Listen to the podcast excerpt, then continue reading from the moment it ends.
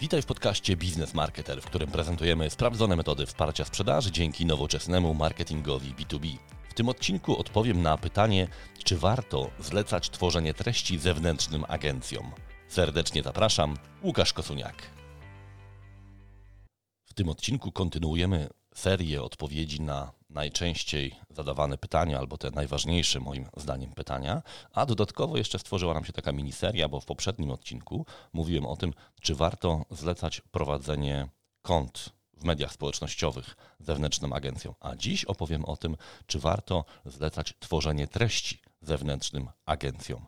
I Pewnie się spodziewacie, ci z Was, którzy pracują w marketingu, że tu nie ma takiej bardzo prostej odpowiedzi, ale zdecydowanie warto jest zastanowić się, jaka powinna być rola tej agencji i co warto zlecać w ramach tego procesu tworzenia treści, a co warto jednak trzymać y, u siebie.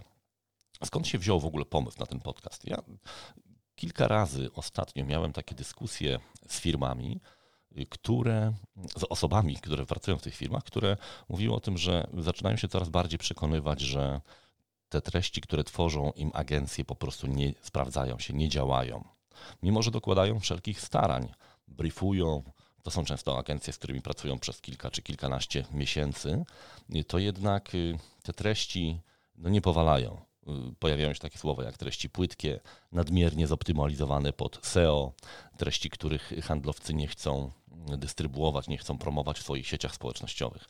No i w związku z tym pojawia się pytanie, czy to jest dobry pomysł w ogóle, żeby tego typu działalność zlecać agencji. Ja zawsze w takich sytuacjach, kiedy mówimy o jakimkolwiek outsourcingu, przypominam takie znane powiedzenie. Niestety nie wiem, kto je po raz pierwszy wykorzystał, e, ale ono brzmi tak. E, core biznesu, głównego biznesu się nie outsourcuje. I teraz jest właśnie pytanie, co jest Twoim głównym biznesem, co jest niezbędnym elementem rozwoju Twojej firmy. No bo ktoś może powiedzieć, ja robię maszyny, ja robię oprogramowanie, to jest mój biznes. E, natomiast pytanie jest takie, czy ten biznes będzie funkcjonował, jeżeli ty odpuścisz sobie zupełnie działania marketingowe.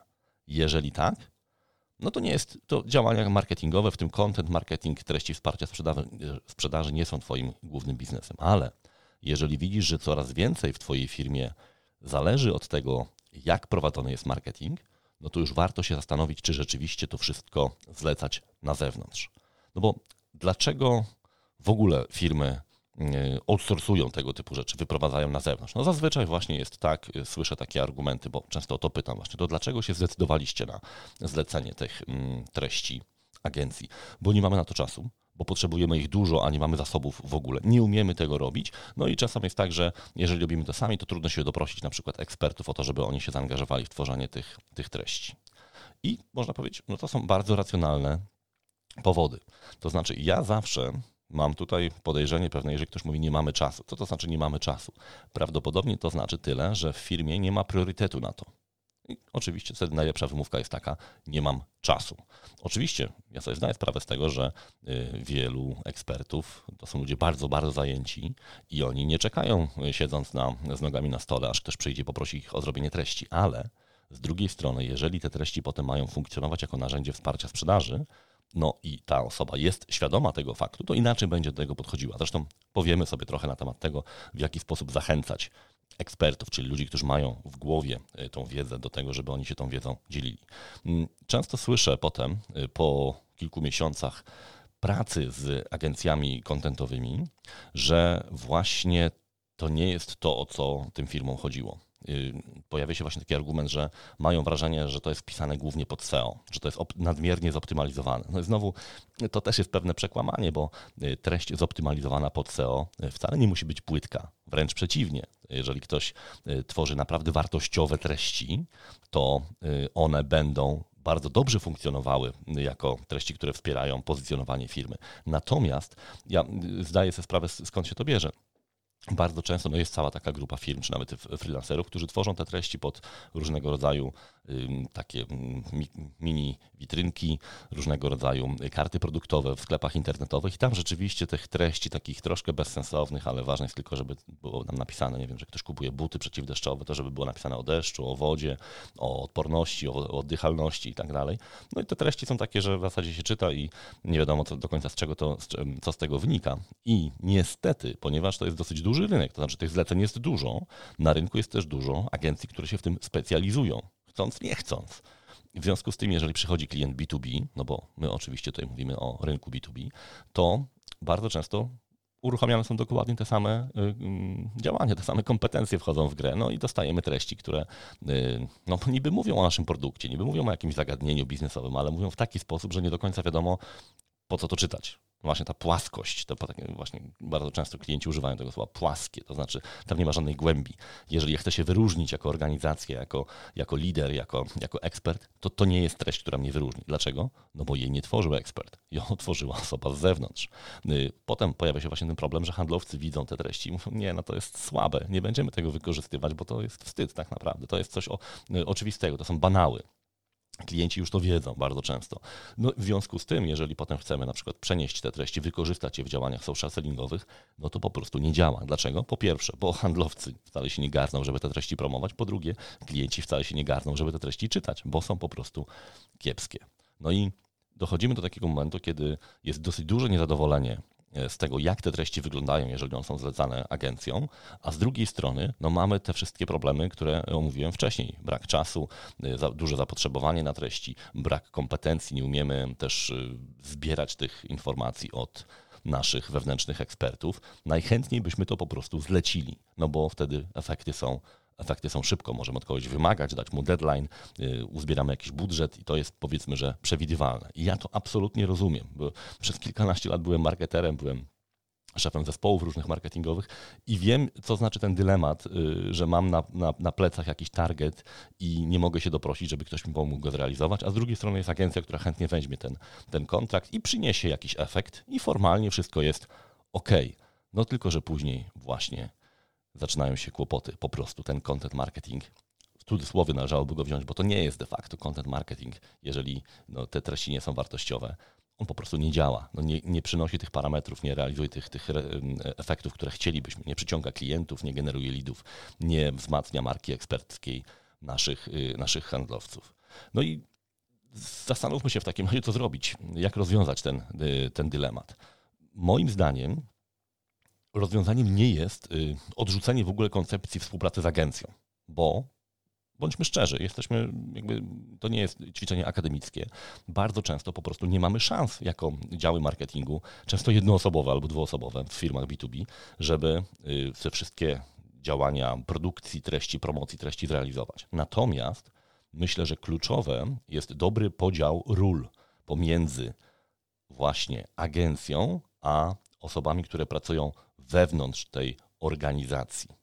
Bo jeżeli my zlecimy wszystko na zewnątrz, to oprócz tego, że te efekty mogą być marne, to jeszcze na dłuższą metę tak naprawdę nie uczymy się tego. No bo robienie dobrego, dobrej strategii treści, realizacja strategii treści, generowanie lidów poprzez inbound marketing to jest coś, czego się trzeba nauczyć. Więc jeżeli ja to wszystko zlecam agencji, która robi to na, dla, nie wiem, 10 różnych klientów, no to oni się tego wszystkiego uczą, a nie ja.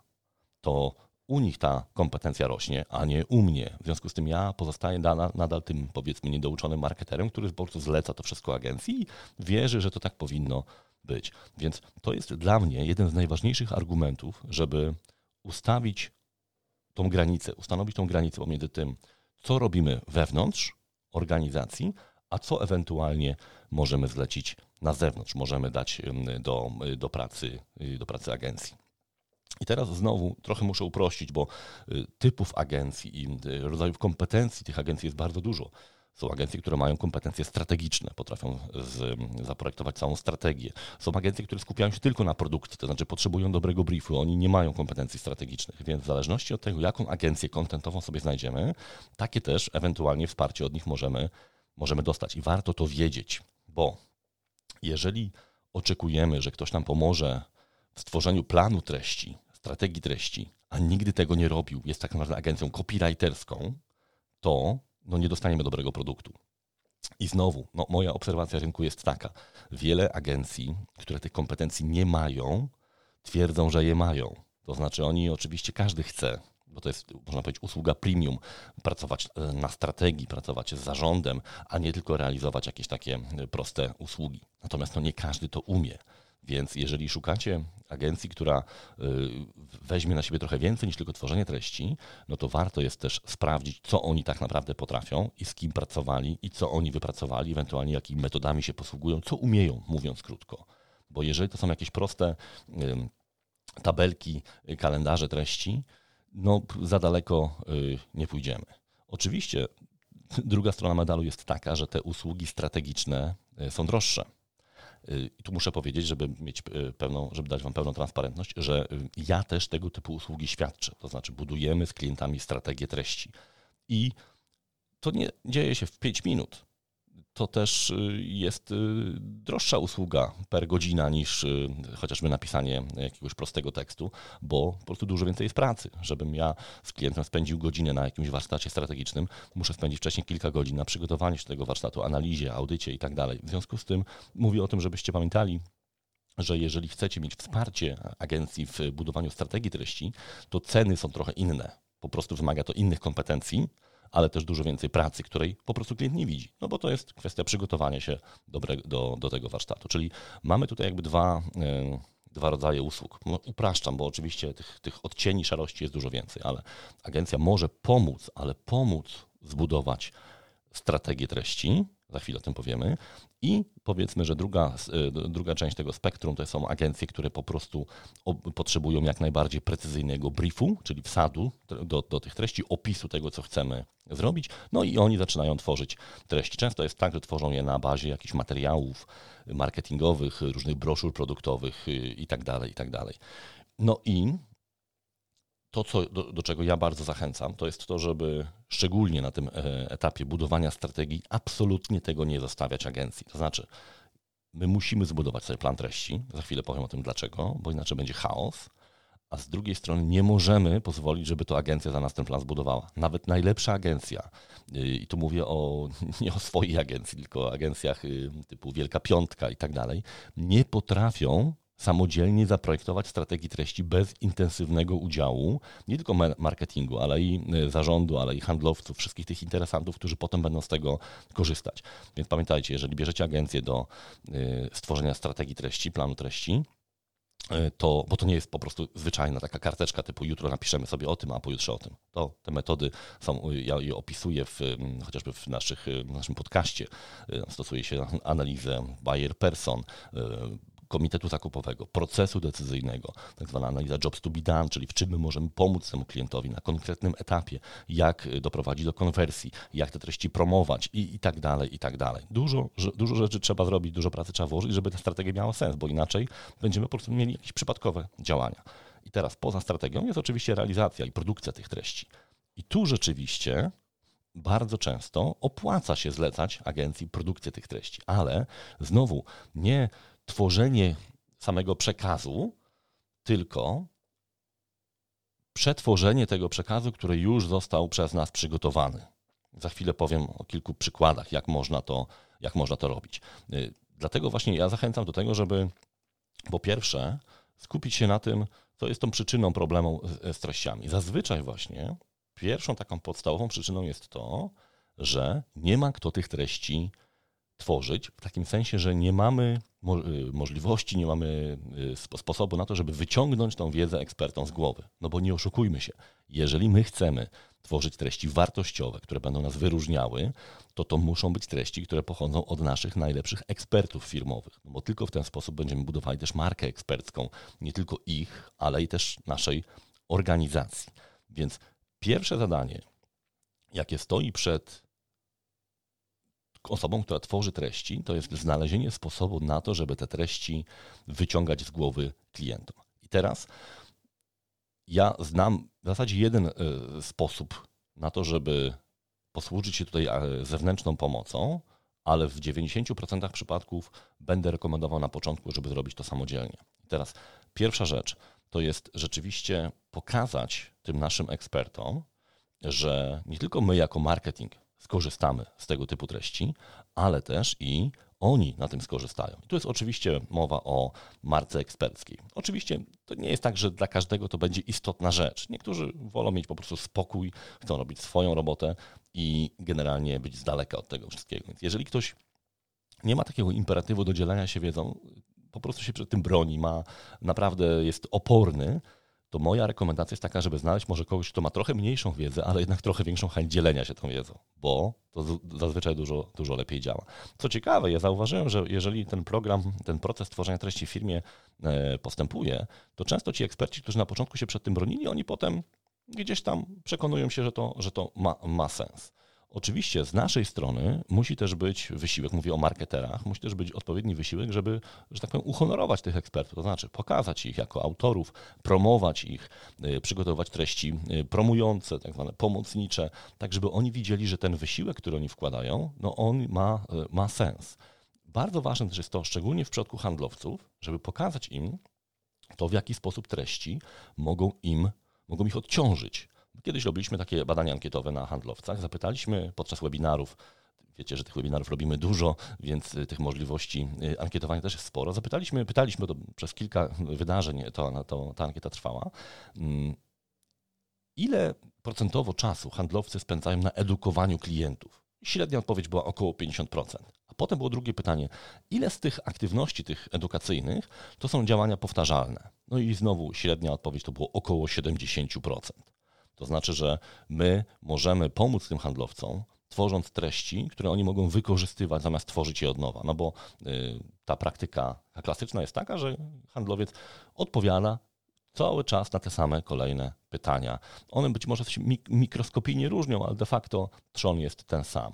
Więc my w takiej sytuacji właśnie zachęcamy handlowców, żeby oni te pytania przekazywali, zbierali, a potem właśnie dział marketingu, na przykład już przy pomocy agencji, przygotowuje treści w różnych formatach. To zależy oczywiście od stylu. To może być mm, materiał y, tekstowy, do wsad do, do e-maila, to może być jakiś krótki PDF, to może być materiał wideo. Coraz częściej do tego zachęcam, bo te materiały wideo się bardzo fajnie wykorzystuje też chociażby w sieciach społecznościowych. To może być wpis na blogu po to, żeby klientowi pokazać nawet wcześniej te, y, ten materiał. To jest też metoda Markusa Sheridana. Pewnie znacie tę książkę, co chce wiedzieć klient, The Ask You Answer. On dokładnie o tym mówi zapisuj pytania, a potem na nie odpowiadaj, bo będziesz mieć treści, które są na pewno istotne dla swoich klientów. I teraz, jeżeli pokazujemy to w tym kontekście, to wielu handlowców orientuje się, że faktycznie to ma sens. To znaczy na dłuższą metę oni im dłużej będą współpracowali z marketingiem, tym y, więcej tych treści będą dostawali, będą mogli też y, się nimi posługiwać, zamiast y, odpowiadać od nowa i tak dalej. Wielu handlowców nawet z wyprzedzeniem wykorzystuje te treści, czyli wysyła klientom odpowiedzi na pytania, których jeszcze nie zadali, a wiedzą z doświadczenia, że te pytania będą, będą zadane. Czyli tutaj są takie trzy elementy, które ja zauważyłem, że działają. Na część osób działa e, ten komunikat, y, zbudujesz swoją markę ekspercką. Jeżeli chcesz być postrzegany jako, ekspert, nie tylko w tej firmie, ale w tej branży, to zaangażuj się we współtworzenie treści. To nie musi być jakiś wielki elaborat, czasami wystarczy zebrać kilka pytań i, i odpowiedzieć na te pytania, tak? I firma, y, że tak powiem, podpisuje eksperta prowadzenie webinarów, no to jest już troszeczkę y, więcej, ale znowu wielu handlowców prowadzi, prowadziło szkolenia, różnego rodzaju konferencje, więc te kompetencje mają, wystarczy je tylko y, wykorzystać. Oczywiście, jeżeli mamy osoby, które chcą być aktywne w social sellingu, no to tutaj y, ten komunikat o tym, że ty powinieneś promować treści, których jesteś współautorem, między innymi te treści, no jest bardzo silny. Jeżeli ktoś rzeczywiście widzi, że to ma sens, to będzie dużo bardziej zaangażowany w tworzenie treści. No i oczywiście jest też ta trzecia, e, trzecia korzyść, czyli oszczędność czasu, czyli my możemy te treści wytworzyć właśnie po to, żeby handlowcy nie odpowiadali na nie za każdym razem, wiedząc, że wiele tych pytań się powtarza, tylko możemy je przekazać handlowcom do rozsyłania, możemy je osadzić i publikować na stronie, w mediach społecznościowych i tak dalej. Więc Pierwsze zadanie y, to jest po pierwsze przekonanie tych ekspertów, że warto to robić. No drugie zadanie to jest sprawienie, żeby y, ten, to obciążenie czasowe było jak najmniejsze. I tutaj duże znaczenie ma dobór formatu, bo bardzo często jest tak, że my widzimy taki konflikt w projektach różnych, że handlowcy czy eksperci no, po prostu nie chcą pisać, bo ktoś im kazał napisać artykuł. Oni po prostu nie umieją tego robić. Oni woleliby naprawdę przekopać, e, e, nie wiem, rów pod autostradą, żeby, bo, bo, bo tu przynajmniej widzę jakiś efekt, niż męczyć się z jakimś tekstem. Wielu, e, wiele osób po prostu nie lubi pisać. Więc jeżeli widzimy, że jest ten problem, to warto jest pomyśleć o innym formacie. I tutaj właśnie jest pole do popisu dla też między innymi agencji zewnętrznych. Zacznę natomiast od tych y, formatów, które można i warto jest realizować wewnętrznie. No pierwszy to jest właśnie na przykład webinar. Jeżeli mamy osoby, które prowadzą szkolenia, prowadzą różnego rodzaju prezentacje, to te osoby z dużym prawdopodobieństwem będą potrafiły przeprowadzić dosyć dobre webinary i mamy materiał, który możemy potem reformatować. Bardzo często jest tak, że podczas różnych konferencji powstaje dosyć dużo treści. To są właśnie treści z prezentacji. Te treści często nikną, giną, nikt ich nie wykorzystuje. Sprawdźcie sobie, czy gdzieś tam nie ma takich materiałów, które można było wykorzystać. Różnego rodzaju materiały szkoleniowe i tak dalej. Mm, osoby, które mają, dopiero zaczynają taką przygodę z tworzeniem treści, dosyć dobrze się odnajdują w takim formacie pytanie-odpowiedź. To znowu jest powiązane z tym, że my mamy możliwość zbierania pytań, a potem na nie szybkiej, udzielenia szybkiej odpowiedzi. I jeżeli chcemy kogoś, że tak powiem, wdrożyć, zacząć od czegoś, to ja proponuję, żeby właśnie zebrać te pytania, y, i porozmawiać z ekspertem, handlowcem, inżynierem, y, trenerem i tak dalej na temat tych pytań. Po prostu pytanie, odpowiedź. Zazwyczaj wychodzi dużo bardziej naturalnie y, to są krótsze wypowiedzi. One są też e, czymś, co jest naturalne, bo handlowiec zazwyczaj odpowiada na te pytania wielokrotnie, więc dobrze się czuje z, z treścią, z meritum i wychodzi to dobrze, nawet jeśli, jeśli nagrywamy to na, na wideo. Takim formatem, który ja stosuję troszeczkę w desperacji, jest, takim, jest wywiad audio prowadzony przez e, osobę z zewnątrz. Zdarzyło mi się kilka razy, że rzeczywiście mieliśmy ekspertów po stronie klientów, którzy no po prostu stresowali się przed kamerą, nie chcieli pisać i tak dalej. I na różne sposoby oczywiście ma, maskowali te swoje obawy. Jedni bardziej arogancko, inni bardziej szczerze. Mm, myśmy wpadli na pomysł, żeby zaprosić osobę, która ma po prostu była dziennikarzem. Osobą, która dla gazety prowadziła bardzo dużo wywiadów. Miała też doświadczenie biznesowe i na tym pierwszym projekcie pamiętam, yy, nawet taki obrazek mam przed, przed sobą, że na początku ta osoba, która udzielała tego wywiadu, ten ekspert, siedział taki skulony, a im dłużej ten wywiad trwał, tym bardziej ta osoba się otwierała. Ten, ta mowa ciała była taka już ekspresyjna i tak dalej. Dlaczego? No bo to jest sztuka prowadzenia wywiadów. Jeżeli mamy możliwość skorzystania z pomocy osoby, która umie prowadzić wywiad i w jakiś sposób, nawet minimalny, rozumie meritum, rozumie to, o czym mówimy, no bo tu trzeba tą osobę też przygotować, to zazwyczaj te treści wychodzą dużo lepsze, powstają szybciej y, i y, osoby, które tych, tych, tej, tego wywiadu udzielają, też o wiele lepiej się czują. Po prostu no, umiejętność prowadzenia wywiadu polega też na tym, że troszeczkę czasami trzeba czyjeś ego połechtać i tak dalej. Nie będę o tym mówił, bo to ja nie jestem w tym specjalistą, ja tylko obserwuję czasami, jak to, się, jak to się dzieje.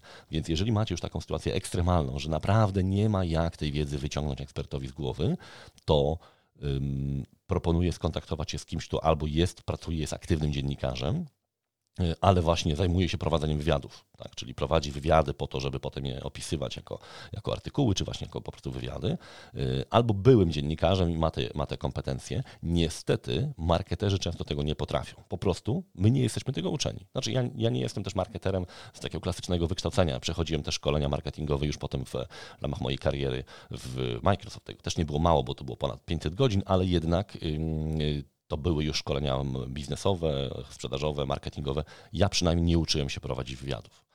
Więc jeżeli ktoś ma taką kompetencję, to może być dla Was świetnym partnerem. Więc jeżeli chcecie znaleźć taką agencję, to szukajcie kogoś, sprawdzajcie, czy ta osoba, osoba, nie agencja, osoba, która będzie potem prowadziła te wywiady, ma doświadczenie dziennikarskie, bo to się może świetnie, yy, świetnie przydać. Bardzo ważne też jest to, żeby włączać tych naszych ekspertów w ustalenie, w dobór tematów, bo ja często to widzę, że na przykład przychodzi marketer do handlowca i mówi, może byś coś napisał na temat jakiś tam. No i tak y, często jest tak, że marketerowi to wychodzi z jakiejś analizy SEO i tak dalej. To jest nieprzegadane, nieprzedyskutowane, nie ma jakiegoś konsensusu, że warto o tym y, pisać. Poza tym są jakieś takie jednorazowe strzały. Więc to, co ja, do czego ja bardzo zachęcam, to jest właśnie znowu albo przy pomocy agencji, ale już bardziej konsultingowej niż kontentowej, chyba że jakaś agencja ma oba te, obie te kompetencje, ale rozpoczęcie od zaplanowania sobie planu treści i zaangażowanie też tych naszych ekspertów w opracowanie tego planu. To znaczy, jeżeli oni mają pytania, mają swoją perspektywę, widzą, co tych klientów interesuje i my jako marketerzy możemy na to nałożyć na przykład nasze jakieś badania ankietowe, nie wiem, buyer persona i tak dalej, to z tego wychodzi taki miks, który no my nazywamy, my mamy takie narzędzie matryca strategii treści i na nim właśnie, na nie właśnie nanosimy to, na jakim etapie dana treść może się przydać, jaki ma być temat tej treści, jaki ma być jej format, w jaki sposób będzie promowana i tak dalej, w jaki sposób będzie też mierzona.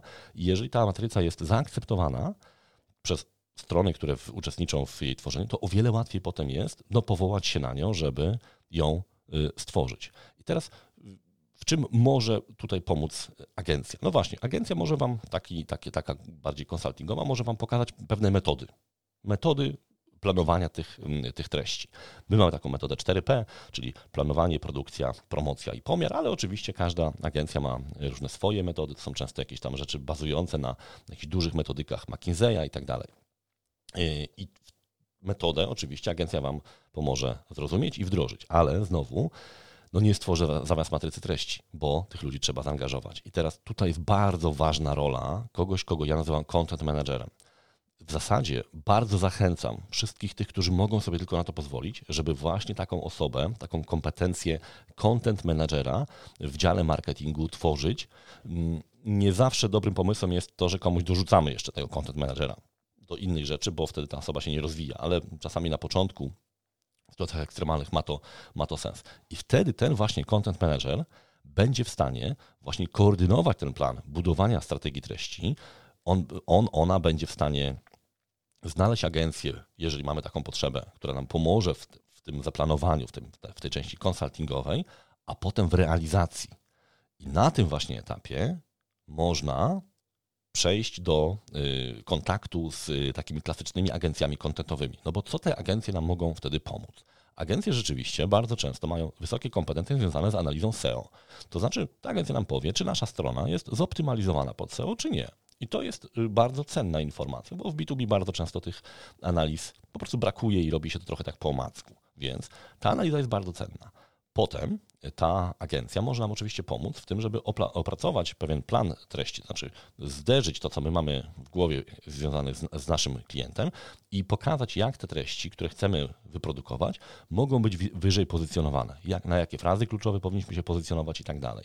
Tu znowu potrzebny jest właśnie ten miks, to znaczy jeżeli y, nie mamy wewnątrz osoby, która rozumie SEO, która rozumie, czym jest ścieżka klienta yy, i tak dalej, no to ciężko będzie być partnerem do dyskusji dla tej agencji. No i wtedy oczywiście hulaj dusza. Agencje, oczywiście nie posądzam tutaj nikogo konkretnego takie zachowania, ale często zdarza się niestety, że agencje nadużywają swoich kompetencji i mówiąc kolokwialnie, wciskają różne usługi czy aktywności, które wcale nie są potrzebne. Często niestety też jest potem tak, że ponieważ ta agencja nie jest w żaden sposób weryfikowana, te treści powstają właśnie po to, żeby spełnić te parametry SEO, do których agencja się zobowiązała, czyli wypo, wypozycjonować jakąś tam stronę i tak dalej, podczas gdy okazuje się często, że ta strona, ten temat wcale nie jest kluczowy. On po prostu był łatwy do wypozycjonowania. Więc pamiętajcie proszę, jeżeli w ogóle korzystacie z, chcecie korzystać z agencji SEO, to proszę sprawdźcie, czy ta agencja ma jakieś kompetencje w B2B bo to są jednak inne narzędzia. Oczywiście w pewnym zakresie one się powielają, ale pamiętajcie, w B2B mamy zazwyczaj dużo mniejsze grupy klientów, dużo mniejsze grupy, kohorty i tak dalej. Innymi metodami trochę się posługujemy tutaj. Nie zawsze te narzędzia masowej analizy, jeżeli ktoś nie, sprzedaje buty, masło i tak dalej, będą e, działały na, dla firmy, która sprzedaje maszyny przemysłowe, gdzie wartość jest na przykład pół miliona złotych jednej. Więc pamiętajcie, zawsze zapytajcie o doświadczenie w B2B. To nie doświadczenie w B2B takim masowym, jeżeli jesteście firmą nie masową, tylko właśnie takim B2B, powiedzmy, y, rozwiązaniowym. Oczywiście agencje się świetnie sprawdzają na etapie produkcji. No, dlaczego? Ponieważ mają kompetencje produkcyjne. Czyli dużo szybciej zrobią, y, nie wiem, wyprodukują wideo, y, dużo szybciej, nie wiem, zrobią chociażby transkrypcję. Ja jestem dużym fanem właśnie recyklingu. Czyli jeżeli my już mamy jeden format, na przykład powiedzmy webinar, to wtedy rzeczywiście możemy bez problemu zlecić agencji zrobienie y, tak zwanej transkrypcji, czyli przełożenia tego materiału audio akurat w tym przypadku wideo i audio, ale chodzi o audio, na tekst, a potem zredagowanie tego, te, tego tekstu. I dzięki temu mamy możliwość tworzenia różnych nowych formatów. I tego rzeczywiście nie ma sensu robić wewnątrz. To zrobi spokojnie agencja. Dlaczego? Ponieważ ten duży, duży wsad treściowy już jest. Więc ja zachęcam do tego, żeby przede wszystkim, jeżeli pracujemy z agencją zewnętrzną, pracować na stałe z agencją. Ona się trochę wtedy nauczy, ale też z drugiej strony nie spodziewać się, że ktoś za nas napisze materiał, który jest lepszy od tego, co my w tej chwili mamy na stronie. Dlaczego? Ponieważ ta osoba będzie bazowała na tym, co mamy na stronie. Więc jak może stworzyć coś lepszego? Przecież 99% tych copywriterów nie zna naszego biznesu. Więc to, co oni mogą zrobić, to ewentualnie mogą poprawić językowo to i oczywiście zoptymalizować pod kątem SEO. Dlatego jeżeli pracujecie, zlecacie komuś na zewnątrz, żeby napisał materiał, to tej osobie, tym osobom, tej agencji trzeba zapewnić jak najlepszej jakości wsad. Ale znowu, jeżeli my im dajemy broszurę produktową z cechami produktu i mówimy im, napiszcie coś fajnego na ten temat, jak można to wykorzystać, nic dobrego z tego nie wyjdzie. Zazwyczaj to są przestrzelone zupełnie argumenty, często takie dziecinne w ogóle i tak dalej. Nie traćcie y, marki na takie rzeczy.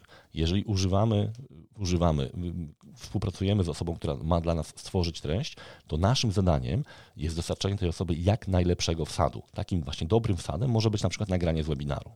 I wtedy Oczywiście znowu pod warunkiem, że ten webinar był dobrze przeprowadzony, bo myśmy też y, no, kilkanaście razy już widzieli takie sytuacje, kiedy do, agencja dostawała słaby bardzo webinar i nic z tego się nie dało zrobić. Mówimy o webinarach i o recyklingu też w naszym, w naszym podcaście, więc możecie sobie wyszukać webinary i wtedy zobaczycie, jak, jaką metodę przedstawiamy, żeby ten webinar rzeczywiście miał sens. Ale generalnie kręcę się wokół tego, żeby zapewnić agencji, jeżeli już jej zlecamy coś, jak najlepszej jakości wsad, bo ta agencja będzie bazowała tylko na tym wsadzie. Oni nic nowego nie wymyślą.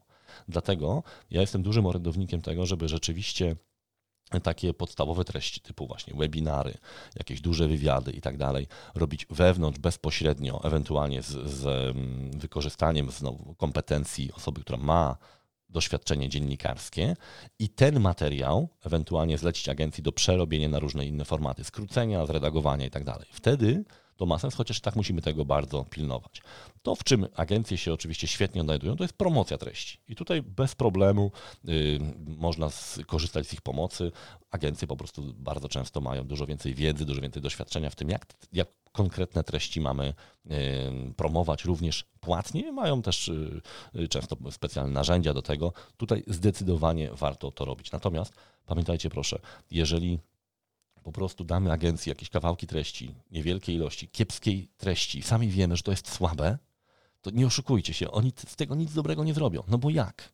Oni nie mają tych kompetencji, oni mają tylko kompetencje dobrego pisania. Te teksty mogą być rzeczywiście zgrabne, formalnie dobrze się to czyta, yy, mogą być zoptymalizowane pod SEO, oczywiście jak najbardziej, ale merytorycznie nic nie dołożą. Więc jeśli chodzi o meritum, to my musimy zadbać o to, żeby ten materiał był. I tu jest właśnie znowu ta rola content managera, który jest tą osobą, która, y, że tak powiem, kontroluje jakość treści, jaka powstaje w, w firmie. Mm, ja opisuję tą rolę content managera w jednym z artykułów, chyba w majowym wydaniu marketera e, i szerzej też opisuję tą, tą rolę content managera w tej książce, którą Wam pewnie już słyszeliście o niej, B2B e, Marketing, a Guidebook for the Classroom to the Boardroom. Tam jestem autorem takiego e, całego rozdziału, tam jest kilkadziesiąt stron na temat właśnie takiej naukowej, można powiedzieć, metody tworzenia treści i tam o roli content managera mówimy. Dużo o roli content managera mówi też Markus Sheridan w swojej książce e, Co chce wiedzieć klient, czyli The Ask You Answer. Ona jest już wydana na język polski i tam też znajdziecie sporo podpowiedzi. Generalnie zachęcam do tego, żeby taką osobę mieć. Dlaczego? Bo ta osoba zrobi to, czego nie zrobi żadna agencja, czyli będzie w stanie budować sobie relacje z ekspertami. Czyli nie tylko będzie w stanie od nich wymagać, raz na jakiś czas zadzwonić, napisać maila, ale też wspierać ich w produkcji, promować tych ekspertów, dawać im feedback, znaczy mówić coś, co, czy to było dobre, czy nie, czy nie jakie są efekty tego, te, te, tych treści. I jeżeli ta osoba ma te kompetencje relacyjne, a zachęcam, żeby takie właśnie osoby zatrudniać na te role, to yy, po prostu ci eksperci będą bardziej chętni, żeby się dzielić yy, tą wiedzą. Taki właśnie content manager ponieważ jest wewnątrz organizacji. On też będzie pamiętał, będzie pamiętała, y, jakie formaty są odpowiednie dla konkretnych ekspertów, no bo ktoś może się świetnie sprawdzić właśnie w pisaniu długich materiałów, inny w y, prowadzeniu webinarów, a jeszcze dla innego trzeba jednak przygotować tutaj osobę, która poprowadzi ten y, wywiad ta osoba też będzie w stanie kontrolować, co się dzieje z tymi treściami. No bo znowu, bardzo często właśnie agencja ma swoje KPI, ma swoje targety. No tak się przecież rozliczamy, prawda? Więc jeżeli e, powiedzmy, że KPI-em agencji będzie wygenerowanie ruchu, no to oni na tym się skupią. Tylko content manager no, będzie wiedział, że jeszcze z tego ruchu żadnych pieniędzy nie mamy. My musimy potem przerobić to na jakąś konwersję, nie wiem, udział w webinarze, w konsultacji, w procesie sprzedażowym i tak dalej. Czyli dużo bardziej dogłębną analizę powinien robić content manager niż agencja.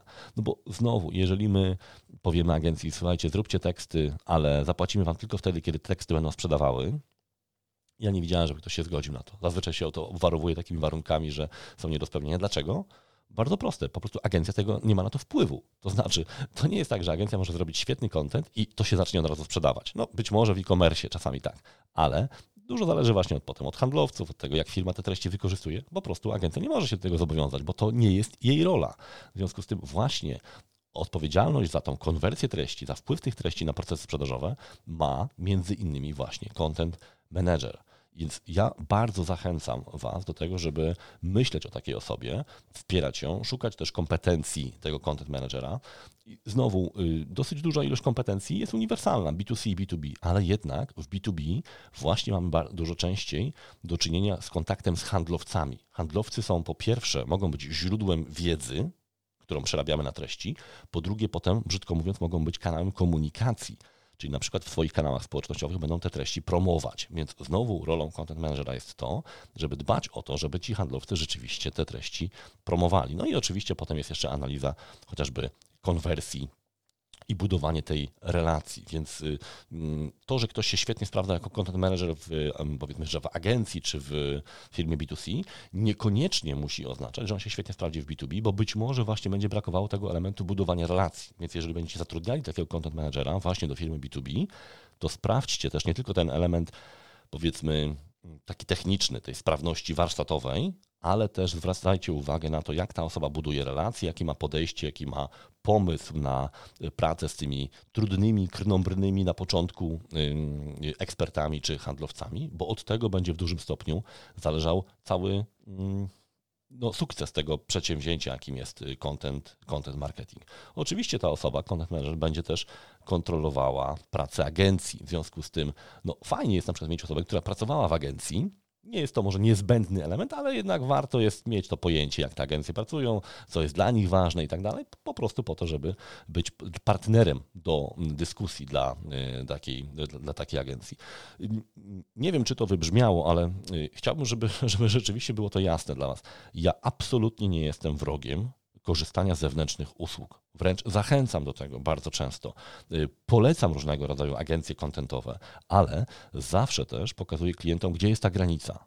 Agencja po prostu pewnych rzeczy nie zrobi. I szczera agencja, szczery przedstawiciel agencji powie, że tego nie zrobi. Nieszczery, albo taki, który jest gdzieś tam przyparty do muru, bo nie, słaba sytuacja finansowa, po prostu się zobowiąże, na przykład, że on będzie budować relacje z waszymi ekspertami. To się po prostu nie udaje to tak nie działa. Więc pamiętajcie proszę, jeżeli ten content marketing, jeżeli widzicie wartość w tym y, inbound marketingu, w tych lidach, które przychodzą na bazie kontentu, to ktoś wewnątrz organizacji musi też za to po prostu odpowiadać, bo właśnie zbudowanie strategii, tego planu, który potem nam wyznaczy cały, cały zakres pracy, budowanie relacji, wyciąganie tej wiedzy ekspertom z głowy, to jest właśnie rola content managera. On się może posłużyć, na przykład wesprzeć się usługą taki, takiego dziennikarza, yy, który potem stworzy świetny wywiad, ale jednak ten impuls wychodzi od content managera. Agencja tego nie zrobi. Agencja jest z zewnątrz. Zmieniają się ludzie, ciężko te relacje budować. Więc pamiętajcie proszę, yy, agencje się świetnie sprawdzają wtedy, kiedy my mamy pomysł na to, jakie treści tworzyć i co ważne, mamy jakościowy wsad. I to jest moim zdaniem kluczowa rzecz głównym problemem y, słabej jakości tych treści, które agencje tworzą, nie jest brak kompetencji agencji. Oni mają takie kompetencje, jakie powinni mieć. Tylko jeżeli ktoś dostaje kiepski wsad, merytorycznie słaby, y, bez żadnych wartościowych materiałów, bez przemyślenia, czy to jest w ogóle temat, który jest istotny dla klienta, a to się robi wcześniej na etapie strategii treści, to ta agencja wyciśnie tylko tyle, ile można wycisnąć z tego materiału, czyli zazwyczaj niestety niewiele. Więc im bardziej chcecie pracować z agencją, tym bardziej trzeba zadbać o to, żeby ten wsad, który agencja dostaje, był po prostu dobrej jakości. Właśnie wywiady, webinary, treści, które są po prostu intensywne i dobrze zaplanowane. Dobrze zaplanowane. To znaczy, to agencja może Wam podpowiedzieć pod kątem SEO na przykład, jakie materiały można przygotować, ale z drugiej strony jest jeszcze właśnie proces decyzyjny klienta w B2B, który też będzie implikował jakieś tematy treści, które my powinniśmy podjąć i trzeba to połączyć. I wtedy z tego wychodzi dopiero prawdziwy y, plan treści, i wtedy te treści z dużym prawdopodobieństwem będą dla klienta interesujące, bo dla klienta biznesowego ważne jest to, żeby te treści były wartościowe dla niego, żeby to były rodzaje narzędzi. One nie muszą być atrakcyjne. Oczywiście musi to się dać czytać, dać oglądać i tak dalej. I o ten aspekt właśnie y, estetyczny, mm, powiedzmy tego, jak ta treść wygląda, jak się ją czyta, świetnie agencje zadbają. Nie mam absolutnie wątpliwości co do tego. Natomiast meritum jest po naszej stronie. I tego agencja za was nie zrobi. Jak bardzo wie, wiele pieniędzy byśmy jej nie zapłacili, no chyba, że zatrudnimy po prostu takiego kogoś, to będzie de facto agencja wewnętrzna. Po kilku latach się nauczy i będzie to dobrze robiła. No ale to jest biznes, który opłaca się tylko największym, największym organizacjom. Więc moi drodzy, podsumowując ten odcinek, odpowiadając na pytanie, czy warto zlecać tworzenie treści zewnętrznym agencjom, odpowiedź jest tak, Natomiast trzeba się do tego bardzo dobrze przygotować. Nie zlecamy agencjom tworzenia strategii treści. Możemy agencję poprosić o wsparcie w jej stworzeniu. Nie zlecamy agencji kontaktowania się, budowania relacjami z naszymi wewnętrznymi ekspertami. Zlecamy agencji, możemy zlecić tworzenie treści, recycling treści, promocję tych treści, dbałość o to, żeby one były odpowiednio mm, intensywnie prezentowane, żeby były jakościowo y, właśnie promowane i tak dalej. Natomiast meritum, to co jest, to co ma być przekazem, musi powstać w organizacji. Jeżeli nie mamy tej kompetencji, jeżeli nie potrafimy tego zrobić, agencja za nas tego nie zrobi. Jeżeli miałbym teraz podjąć taką decyzję, załóżmy, że mam małą organizację, która, no wiem, że nie znamy się na tym, nie znamy się na tych treściach i, i wygospodarowałem jakiś budżet na agencję y, marketingową, to chyba wolałbym za ten budżet tak naprawdę zatrudnić content managera, niech on zbuduje tą bazę, on, ona zbuduje tą bazę, a potem po jakimś czasie będziemy myśleli o tym, jak te treści promować, optymalizować i tak dalej. Bo jeżeli od razu wejdziemy e, i uzależnimy się od agencji, to tak naprawdę nadal nie będziemy nic umieć, a tylko będziemy widzieli, jak agencja pewne rzeczy tworzy, oczekuje od nas jakichś tam treści, Zazwyczaj te treści będą bardzo kiepskie, bo my ich sami nie wytworzyliśmy, e, będą tworzone na bazie bardzo ograniczonych, słabych materiałów i koło się zamyka. Więc pamiętajcie proszę, najpierw ustalamy wewnątrz, kto ma te treści tworzyć, na jaki temat, jakie problemy klienta e, rozwiązujemy, kim ten klient jest, jak on kupuje, z jakich treści korzysta, a potem zastanawiamy się nad tym, czy mamy zasoby, żeby zrobić to wewnątrz, czy na zewnątrz. I wiele agencji oczywiście bardzo chętnie pomoże i mają te kompetencje, z tym, że właśnie trzeba być do tego przygotowany. To jest trochę tak jak, nie wiem, y, jazda na takim porywistym rumaku, tak? No oczywiście on nas za, za, za, za, zawiezie bardzo daleko i to jest super frajda, galop takim, y, takim rumakiem, ale no trzeba to umieć. Bo agencje właśnie mogą pogalopować za daleko, jeżeli nie umiemy z nimi pracować i nimi zarządzać, po prostu gdzieś tam na manowce wybiegniemy i będziemy mieli problem i my, i agencja, no bo to niezadowolenie, o którym powiedziałem, to, że te treści są płaskie, właśnie się z tego biorą, że agencje wzięły zlecenie, robiły najlepszą możliwą robotę, natomiast nie było wsadu. Nie, miał, y, nie miały y, tej bazy, na której można te treści wytworzyć, w związku z tym wytworzyły treści płaskie, słabe, zajęli się głównie optymalizacją pod SEO, no bo na tym się znają. Więc jeżeli rzeczywiście chcecie tworzyć treści, warto jest mieć taką komórkę, jednostkę wewnątrz, która dba o relacje z y, ekspertami, dba o to, jakie treści, jakie tematy powinny być przez nas y, ujęte, no i dba też o to potem, y, jak i w jakim zakresie zlecać działania agencji. A ta osoba to jest właśnie content manager i bardzo Was zachęcam do tego, żeby myśleć o tym, żeby taką osobę na pokład w pełnym, albo być może w częściowym zakresie przyjąć. I to wszystko w dzisiejszym odcinku. Jeżeli te treści podobają Ci się, koniecznie daj nam gwiazdkę, komentarz albo podziel się nimi w swojej ulubionej sieci społecznościowej. A ja już dziś zapraszam Cię na kolejne odcinki podcastu Business Marketer. Pozdrawiam serdecznie, Łukasz Kosuniak.